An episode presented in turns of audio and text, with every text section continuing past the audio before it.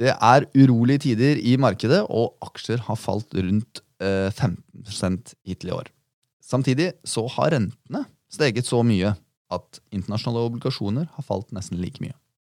I dag skal vi diskutere markedsutsiktene for de neste seks til tolv månedene.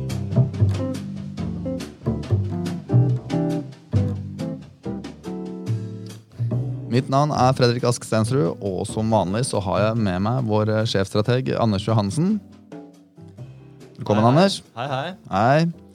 Eh, Du, Før vi går igjen pleier pleier alltid å plugge til slutt, men jeg tenkte jeg skulle plugge med en gang. At dere må huske at Hvis dere vil eh, lese mer om eh, meningsytringene til Anders, så kan dere gjøre det på Twitter under handlet at makrojohansen. Og du kan også følge meg der på at askstensrud. Stensrud. Um, og husk at hvis du abonnerer på podkasten vår der hvor du hører på denne podcasten, eh, så får du meldinger med en gang det kommer nye episoder ut. Og det er jo litt ekstra luksus. Yes. Eh, du, Anders. Dere ga ut markedsutsikter eh, fredag 26. august, var det vel? Ca. to uker siden.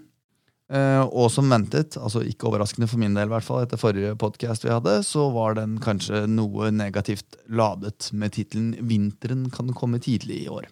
Ja, det stemmer jo det. Men vi er nok litt negative på kort sikt. Men, men før vi begynner, la oss se litt på hvordan de ulike regionene har klart seg til nå i år.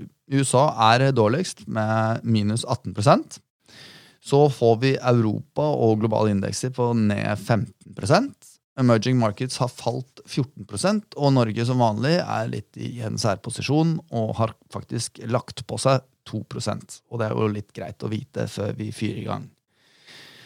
Hvis du, Anders, skulle oppsummert i en setning hvor dere ser den beste avkastningen de neste 6-12 månedene, eh, hva ville du sagt da? Jo, det, da ville jeg sagt at eh, på veldig kort sikt så er vi taktisk undervekt aksjer, og tilsvarende da overvekt i obligasjoner med høy kredittverdighet, altså det vi kaller investment grade på finint eh, finansspråk. Og andre, alle, andre all, Det er vanskelig. Jeg måtte løpe her. Det er ikke noe triks å løpe til podkast. Alle andre allokeringer det er farget av denne undervekten på aksjene, slik at vi er eh, vi liker defensive sektorer innenfor aksjer, og vi er forsiktige da med obligasjonsinvesteringer med høy risiko, sånn som f.eks. emerging markets og, og high yield. Så egentlig, for å svare veldig konkret på spørsmålet, best eh, avkastning neste 6-12 måneder, det er egentlig innenfor eh, forsiktige obligasjoner, sånn som norske investment grade. Ok, Men du sier undervekt aksjer. Når var egentlig sist gang vi hadde det? Du, det vet jeg ikke helt. Du vet ikke?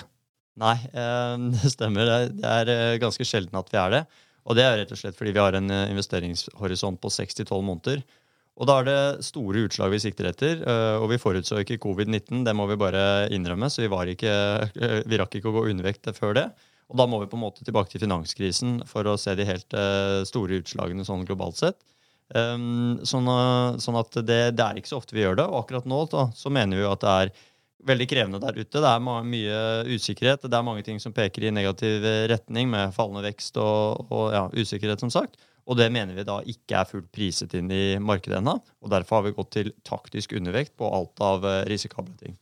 Stemmer egentlig ikke helt det du sier der. vet du, At du sier at vi ikke forutser covid. Du og jeg forutså det. Hvis du går tilbake til den podkasten som vi lagde i januar 2020, så tør jeg å påstå at både du og jeg ytret en ganske stor bekymring for den utviklingen vi så i den pandemien da.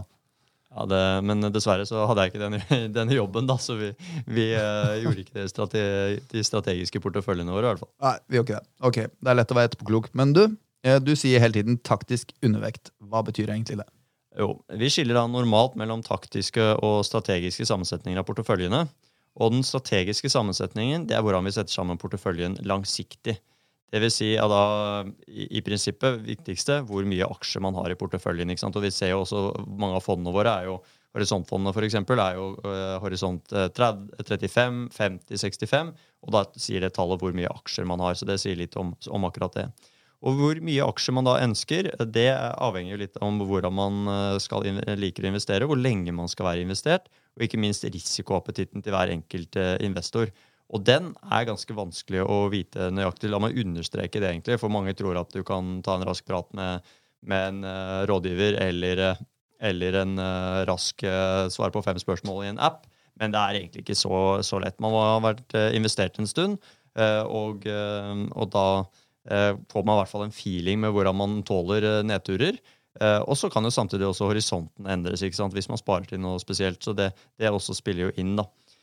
Og så er det annen, et annet problem, og det er jo ofte det at man tror at man, det finnes et risikofritt alternativt. Eh, så skal du investere penger i ti år, så er det egentlig ingen investeringer uten risiko. Det er heller ikke risikofritt å putte penger i banken. La oss bare understreke det. Eh, og det ser vi jo veldig godt nå, fordi kjøpekraften på, på bankplasseringer den taper, taper, jo ganske mye i år. Du kan få kanskje en prosent på, i banken som du må betale til og med skatt av den ene prosenten. Og så er inflasjonen samtidig 6,5% Så Eh, det var et, et, langt svar, men vi har da denne strategiske allokeringen, og den bestemmer da, eller den er det viktigste på lang sikt hvor mye, hvor mye eller eh, hvor god avkastning du får over tid. Men så har du da på toppen av det så legger vi da noen uh, taktiske uh, veddemål, kall det det, som, som, vi skal prøve å få litt høyere avkastning enn det du ville fått ved bare å sitte uh, og være langsiktig investor i aksjer. Ok, Men eh, kan du enkelt forklare meg hvorfor dere har gått taktisk undervekt aksjer og risikable aktiva? Ja, det skal jeg prøve å gjøre. Eh, for det første da, så hadde mm, verdensøkonomien rekordsterk vekst i fjor pga. gjenåpningen etter korona, gjenoppbygging av en rekke lager som har blitt trukket ned under korona. Eh, og i år så betaler vi litt prisen av det. Vi har jo veldig lav arbeidsledighet i Europa, USA, Norge osv. Det er jo egentlig positivt. Ehm, det betyr at eh, det går bra i økonomien, men samtidig har jo inflasjonen blitt veldig høy. Og dette liker jo ikke da sentralbankene. Dermed skrur de da opp eh, styringsrentene hele verden, og da samtidig. Eh, og det gjør de jo for å kjøle ned økonomien, men så har de jo dessverre da kommet litt bakpå. Og de er redde for at inflasjonen skal bite seg fast. Um, og det på den måten at eh, folk krever høyere lønninger fordi eh, prisene har gått opp, og så må bedriftene sette opp prisene fordi lønningene har gått opp, og så får man da en pris-lønnsspiral. Og Derfor så setter nå sentralbankene opp uh, rentene, til tross for egentlig at vi har uh, veldig sterkt stigende um, priser. Uh, og, det virker litt, litt rart, egentlig, at de må gjøre det. Liksom, fordi bare det at strømkostnadene og eh, matvarepriser og den type ting stiger så mye, det trekker til veldig mye, tilbake veldig mye kjøpekraft. Men det er denne redselen for at eh, Um, inflasjonen skal bli værende på høye nivåer, og inflasjonsforventningene som gjør at de, de gjør dette. Da. Så uh, I tillegg så er da veksten allerede avtagende. Jeg sa jo I fjor så hadde vi veldig sterk vekst, og ikke unaturlig så kommer den da ned i år. Og De fleste indikatorene som sier noe om retningen, sier også at det er på vei til å bli enda lavere, og i mange tilfeller også negativt. Og Når sentralbankene da fortsetter å stramme til og ikke er i nærheten av å snu den, den retningen vi har nå, så tror vi da på en global resesjon, og det er ikke prist inn i markedet. Ok, Men dere har ikke alltid rett, da? Hva? Nei, vi har, vi har, absolutt ikke det. Markedet er jo eh, si, en vektet sannsynlighet av de ulike scenarioene som finnes der ute.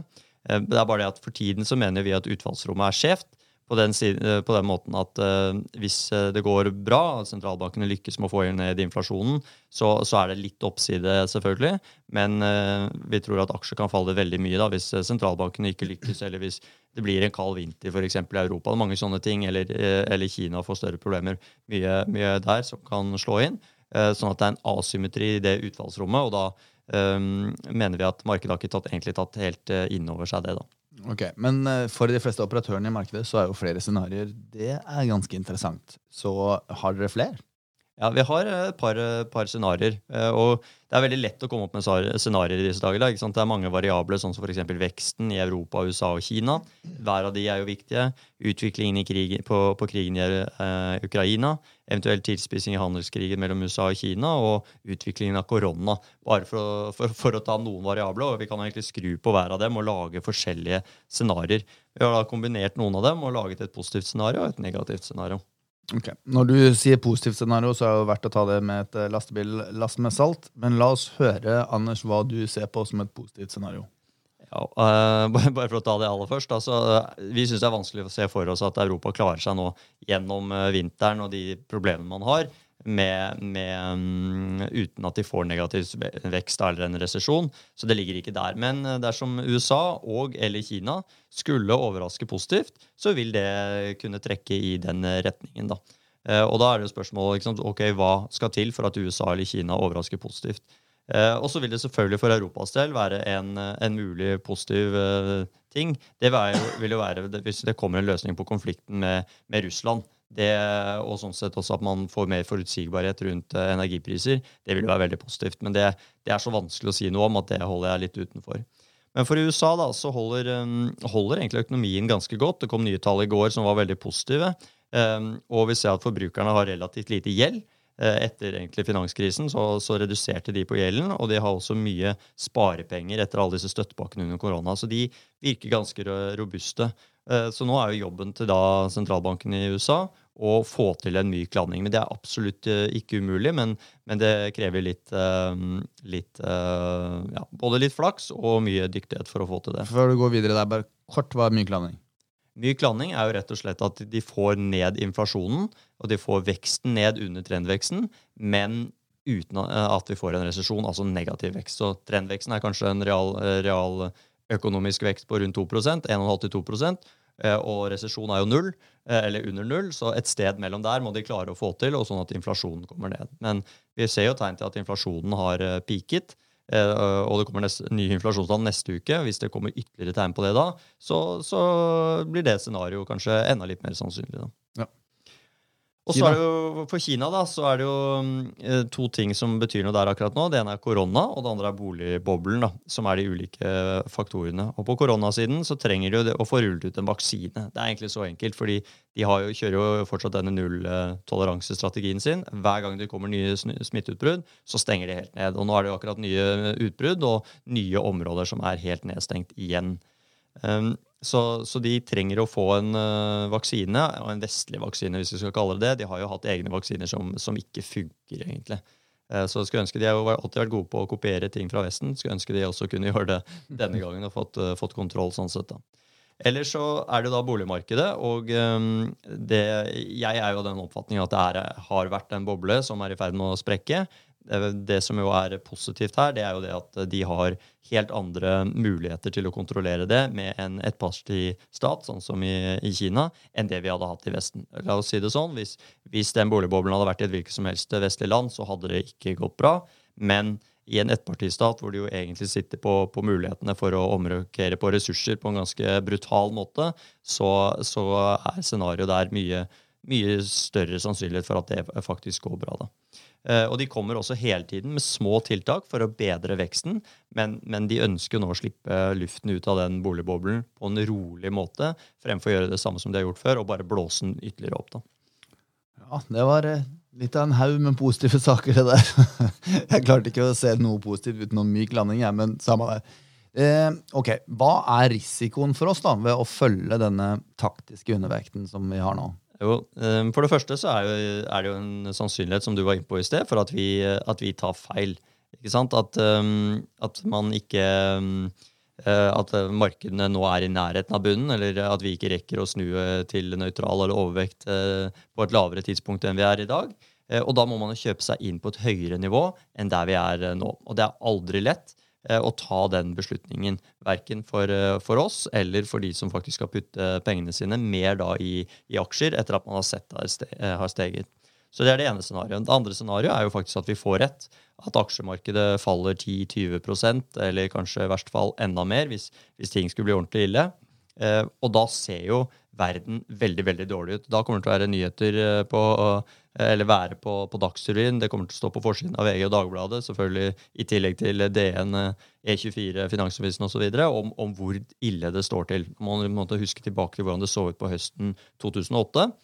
Eh, og det er jo da, eh, historisk i hvert fall, vært det riktige tidspunktet å kjøpe aksjer. Og det er en eh, mental prøvelse. Det er vanskelig å få seg til å gjøre det det er alltid gode grunner til å tenke at uh, det kommer til å gå litt lenger ned. Usikkerheten nå er så stor, det er ting vi aldri har sett før osv. Men historisk har det i hvert fall alltid vært sånn at da er det jo man skal kjøpe, og det er uh, krevende.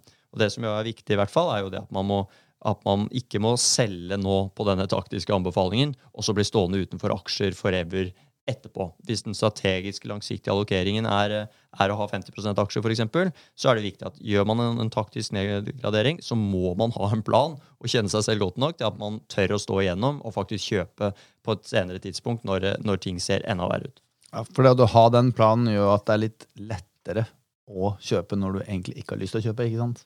Absolutt. Ja. Ok, Men uh, de fleste som lytter til oss, Anders, er antageligvis ikke så store operatører i rentemarkedet. Så kan du ikke um, oppsummere litt aksjerådene våre? Jo, så det aller helt, på toppnivå da, det er jo at vi er taktisk undervekt aksjer, som sagt. Og det vil typisk si, i hvert fall i våre porteføljer da, anbefalte porteføljer, så er det en 5 prosentpoeng undervekt. Så har du normalt 50, så har du nå 45. Det vil da si ikke selg deg helt ut av aksjer, men reduser andelen noe. Deretter så vi da, liker vi USA bedre enn Europa, og det er jo rett og slett fordi den, det som Europa står foran, det er eh, veldig vondt og vanskelig. Og så ser jeg at EU kommer med, med tiltaksplaner og, og, tror at de skal klare å lure seg ut av dette på, på kort sikt. Men i verste fall, da, hvis energiprisene forblir høye i Europa, så er det en sakte, sakte industridød for eh, Europa. Og vi vet jo vekstlokomotivet i Europa, det er Tyskland, hvor de har uh, tuftet veksten sin på billig, import av billig russisk gass. Sånn at det er på en måte det kommer til å bli vondt og vanskelig i, i Europa fremover. I hvert fall høyst sannsynlig. da. Og, og, vi mener at markedet sånn sett ikke har tatt det inn over seg. Um, og tilsvarende, jeg sa jo det i sted, det er ikke umulig at USA får til en myk landing. De må ha litt flaks for å få det til, men også en del dyktighet. Og da tror vi at eh, USA kommer til å gjøre det bedre. I tillegg så har USA noen veldig gode selskaper som har veldig høy kvalitet. Det er de beste merkevarene i verden, får vi vel kalle det. Type Apple, Microsoft, Amazon osv. Og, så uh, og de, de, er selskaper egentlig i verden aldri har, har, sett lignende. da. Så de klarer seg også, tror vi, da er bedre i en eventuelt global resesjon. Og så Innenfor sektorer, da, så, som jeg var innom innledningsvis, så liker vi da defensive sektorer, sånn som f.eks. For forsyning, helse eh, og løpende konsum. Eh, som f.eks. matvarer. Og dette er alle ting som vi gjør uansett om, eh, om eh, det er vekst i økonomien eller ikke. Eh, er du syk, så må du til legen. Er det, eh, trenger du mat, så kjøper du mat. Altså det er liksom sånn, ok, man kanskje kjøper litt billigere mat og gå på Rema istedenfor Meny, men det syns jeg jo strengt tatt man burde gjort uh, uansett. Så, så, dette er liksom sektorer som normalt i hvert fall klarer seg bedre gjennom disse nedturene. Og så er det da undervekt i sykliske tingene, sånn som varig forbruk. Eh, og det varig forbruk høres jo veldig rart ut, men det er da type uh, Eh, ting som man kjøper og som man har lenge. Flatskjerm, treningsapparater og den type ting. Du har ikke slitt ut uh, de hantlene dine du kjøpte under korona ennå, Fredrik. Du, ikke ikke bli cheeky nå, du har slitt ut TV-en din i hvert fall. nei, lydbø lydbøkene kanskje. Ja, da, så, så, det er liksom uh, Den type ting, det, det, er forbruket vi kan utsette, og som man typisk utsetter med en gang det, uh, ting blir vondt og vanskelig. Eh, og så er det jo materialer, og vi har sett allerede at eh, etterspørselen har falt mye. Eh, eller, og, og, prisene, sånn som f.eks. etter kobber, etter stål osv. Og så liker vi heller ikke kommunikasjonsteknologi pga. de store endringene i forretningsmodellene til, til de selskapene. De sliter med å tjene like mye penger som de gjorde før. Ok, Undervekt sykliske aksjer. Kan du oversette sykliske aksjer som noe så enkelt som at det er aksjer som gjør det spesielt bra når det går bra, og spesielt dårlig når det går dårlig? Ja, ikke helt. Men uh, hvis vi forenkler litt uh, med, med, går bra, så når det er høy vekst i økonomien Selskaper som gjør ja. det bra når det er høy vekst i økonomien, ja. så er jeg enig. Men uh, det, ja. jo, det, det, er en grei måte å si på. Ok, vi forenkler det litt. Ok, Avslutningsvis så kan du kanskje fortelle meg litt om våre nøytrale posisjoner i forhold til emerging markets. Ja, det syns jeg vi skal, eh, skal, gjøre, men du sier litt. Og det er, det er, litt vanskelig å si det litt, da. Men uh, de viktigste momentene, da, bare for å ta det, så er jo det um, Akkurat nå så er det jo i, i Kina. altså Kina betyr mye her. De er en tredjedel av den indeksen. Eh, og det har jo også veldig mye å si for veksten i de andre. Husk at emerging markets er i veldig stor grad eh, Asia-preget. Altså, og da land rundt, rundt eh, Kina, som har en stor del av eksporten sin dit. da. Så eh, I Kina har jeg vært innom allerede. Det er jo korona og boligboble som er de to, de to, store tingene der. Og akkurat nå så er utviklingen egentlig på begge de to tingene negativ. Um, for det andre så er det jo forholdet til USA uh, og, resten av verden. Det er viktig hvordan, uh, hvordan, det går, og det er anstrengt. Vi var vel inne på det at etter dette møtet til Pelosi her i tror jeg, forrige podkast, at da hun dro til Taiwan, så ble jo dette ekstra anstrengt. da. Sånn at um, den eh, handelskrigen som begynte rett før, eh, før, covid, den har jo blåst opp igjen nå. Eh, og det kommer, har veldig mye å si hvordan det går fremover på, mellom de to landene. Og også har vi gjort oss avhengige her igjen av Kina, og kanskje i enda større grad Taiwan, da, som jo, som jo er, er, en av de stridsmomentene. Og Taiwan er jo da den største produsenten av disse datachipene vi har hørt veldig mye om. Men det er ikke bare det, men de er jo også da de som produserer så å si alle av de mest kompliserte. Og Taiwan de eh, motstrider seg jo og begynne å produsere de andre steder, for det er på en måte deres uh, kjernekompetanse. Og det er, er det 27 millioner mennesker, eller noe sånt, så de, det er jo viktig for dem for deres økonomi, og, og, de kan ikke bare flytte den produksjonen andre steder. Så når vi hører, og det tror jeg jeg også har tatt feil, vi hører jo at de flytter en del produksjon andre steder, men det er typisk de enklere tingene. Sånn at uh, den konflikten der, den fortsetter å være viktig, da. Um, uh, ja, og en annen, annen, ting som vi kanskje får ta en, en, annen gang, Fredrik, men det er jo det også at igjen da så har jo um, vi i Vesten sovet i timen, mens Kina har da ikke sovet i timen, og de har nå skaffet seg kontroll over store deler av verdikjeden til å produsere batterier, altså litiumbatterier, og solceller. Og Det er jo en veldig viktig del av det grønne skiftet eh, vårt. Litt på lignende måte som vi tidligere har gjort oss avhengig av russisk energi, så er vi nå avhengig av Kina for å, for å få til det grønne skiftet. Um, så kort fortalt da, så, er det en del motvind for uh, emerging markets for tiden. Og det har det faktisk vært de siste ti årene. Veldig svak vekst de siste ti årene. Derfor er det jo veldig få Eh, investorer som for tiden er superpositive til emerging markets. Og jeg er jo, som du i hvert fall vet, Fredrik, litt sånn kontrær av meg, så jeg, det er jo egentlig, syns jeg, eh, attraktivt. Men det er da usikkerheten rundt utviklingen i Kina, og i verste fall så kan vi jo se for oss at vi våkner en morgen og, og vi eh, blir, eh, ikke, ikke, kan investere i kinesiske selskaper. Eh, enten fordi Vesten har sagt det, eller rett og slett fordi Kina har, har lukket den døren. da.